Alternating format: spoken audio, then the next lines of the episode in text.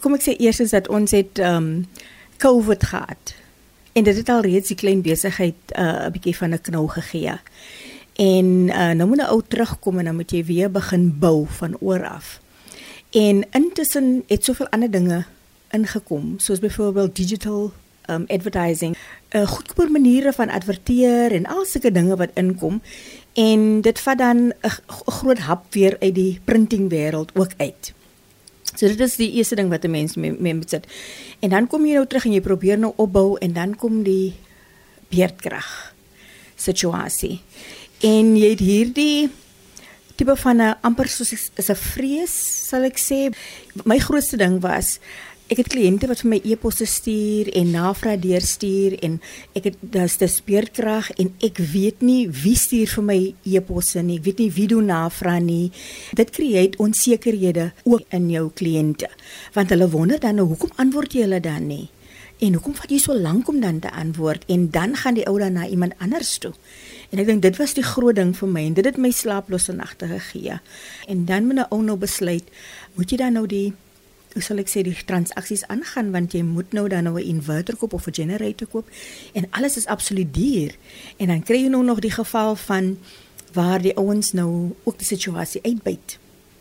So nou moet jy nog shop en kyk wie gaan nou vir jou ten minste you know 'n reasonable prys vra vir dit wat beskikbaar is. Dit is 'n absolute 'n nagmerrie sal ek sê dit. En dan uh, moet die ou nou maar die transaksies aangaan en jy moet hom maar koop sodat jy net 'n float kan bly. En soos ek sê die groot ding vir my is dat my kliënte moet weet ons druk gedurende load shedding. Ek wil nie daai onsekerheid hê in 'n kliënt nie. Ek wil nie hê mense moet wonder nie.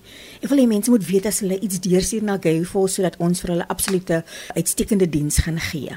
Ons praat met Melanie Ruth Pelay wat hierdie jaar 'n uh, groot lening aangegaan het om hierdie suksesvolle drukkery besigheid te koop in Kariga.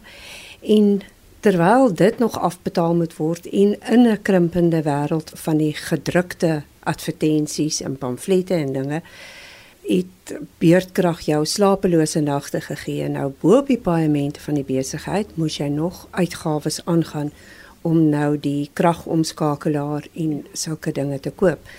Maar jy het plus minus 'n resep gekry vir oorlewing. Ek dink die groot ding is customer service en ek dink dit is iets wat ek altyd glo en, en dit is my baie hartseer as ek sien mense verloor dit. Ek dink customer service en regtig net die ekstra myl gaan vir jou mense. Ek het in hierdie tyd soveel waardering ontvang van mense wat sê eers baie dankie dat jy vir my kom aflewer het en ek waardeer dit so en ek het dit so dringend nodig gehad en jy het uit jou pad uit gegaan vir dit. En ek dink aan die einde van die dag in enige besigheid dink ek Ja, ons het die geld nodig, so ons moet 'n profit is baie belangrik. Maar ek dink byvoorbeeld so skole, eh, ons kry verskriklik baie ondersteuning van skole af. En ons het net die ander dag het ons ook 'n kliënt gehad wat ons uh, baie werk gee en uh, wat 'n goedkoper kwotasie eers anders gekry het. En ek verstaan dit, mense shop around. Ek weet dit, ons almal doen. Maar ek sê toe nog vir hom gee vir my die geleentheid om net te kyk hoe kan ek jou aan die hand vat. Vir my gaan dit oor ek dink my fondasie en my vertroue in die Here dat ek weet hy gaan vir my deurdra en ek weet dat dit wat ek sê sal ek my. Dis nie altyd net 'n profet nie. Soos ek sê die skool gee vir my 'n klompie werk. So moet 'n mens ook soms net besluit okay ek gaan die ou nou 'n bietjie aan die hand vat en ek dink dit is waaroor dit gaan. Want ons almal probeer oorleef in hierdie ekonomie. Daar word baie gesê van die kleiner besighede en mense wat deure sluit, maar dink jy gewoon ek sê maar sê mense soos ek wat nou glad nie in 'n eh, besigheid staan nie. Uh, dink jy die mense daar buite die gemiddelde Suid-Afrikaner verstaan deur watter stres jy nou gaan? Ag ek dink die mense verstaan nie. Ek dink die mense verstaan regtig nie en ek sê altyd vir my span dat ons moet altyd onthou dat mense verstaan nie wat ons deurmaak nie. Mense verstaan ook nie die proses van die besigheid nie.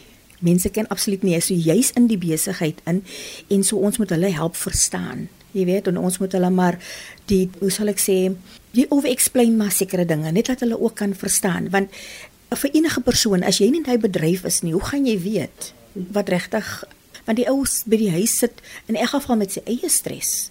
Want kyk, dit is 'n uh, kos het opgegaan is verskriklik duur. uh, petrol het opgegaan, alles is verskriklik duur. So, hoe moet die ou en en en, en sy salaris gaan nie noodwendig op nie. En hoeveel van ons mense het dan ook hulle werk verloor gedurende COVID en met ons ekonomie wat nou op beerdkrag wat jy weet. So ek het ek het begrip as mense nie verstaan nie. So ek dink ons moet maar net compassionate, sal ek sê, compassion en geduld en geduld aan die einde van die dag en elke dag net weer probeer en weer probeer. Dit het my opgeval toe ek nou ver oggend hier ingestap het. Twee dinge het my opgeval.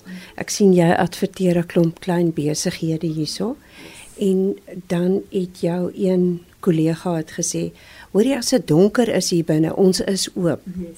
Maar net eers is eh, julle klein besighede hier in Graafry net weg in um, Kariga. Mm ondersteun julle nou mekaar? Hoe werk dit? Het julle 'n netwerk van mekaar moed gee of ondersteun?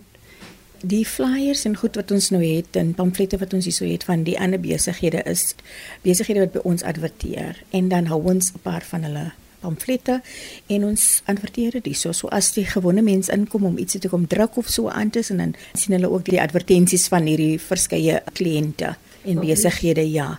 So ja, ons ondersteun mekaar. Ons moet mekaar aan die hand hou.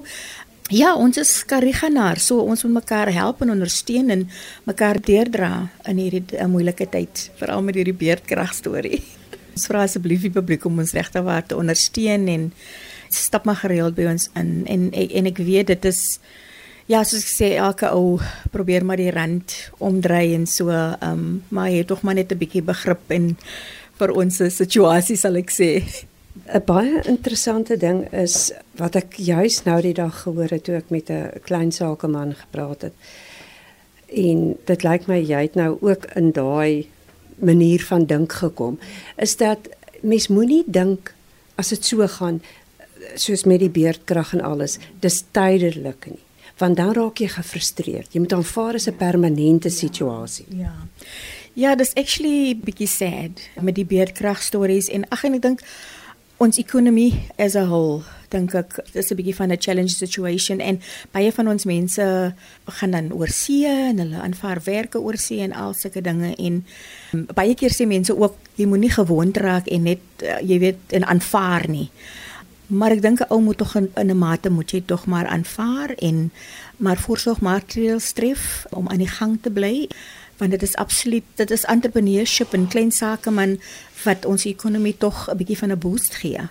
Ons praat met uh, Melanie Ruth Belay wat hier nou 'n uh, eh, drukkersbesigheid in Kariga gekoop het en dan wil ek net teruggaan na die een van as dit donker lyk hier binne ons is hier in ons is oop ons het maar ons 'n teken op die deur om te sê ja, as dit donker is hier so ons is hier binne because uh, ongelukkig die by die inverter as dit maar net om die uh, sal ek sê die operation die masjiene aan die gang te hou en nie die beligting en so aan dis is maar bietjie soms 'n bietjie donker hier binne so maar ons is druk besig ja.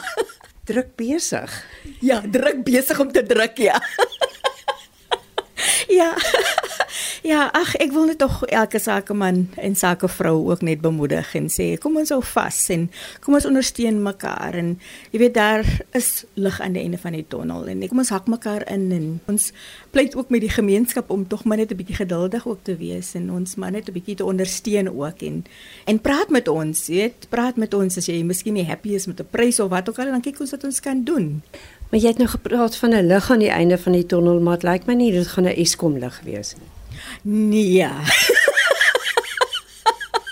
Op hierdie stadium nee, glo ek nie dit gaan 'n Eskom lig wees nie, maar ek dink dit is absoluut net die lig van liefde en kameraadskap en ons Suid-Afrikaners is mos oulik man. Ons het daai kameraderie sal ek sê en ons staan by mekaar en en ons lag wanneer ons moet huil en ons huil wanneer ons moet lag en ag ja en en die braai kom ook daarby. So at least kan ons daarom braai.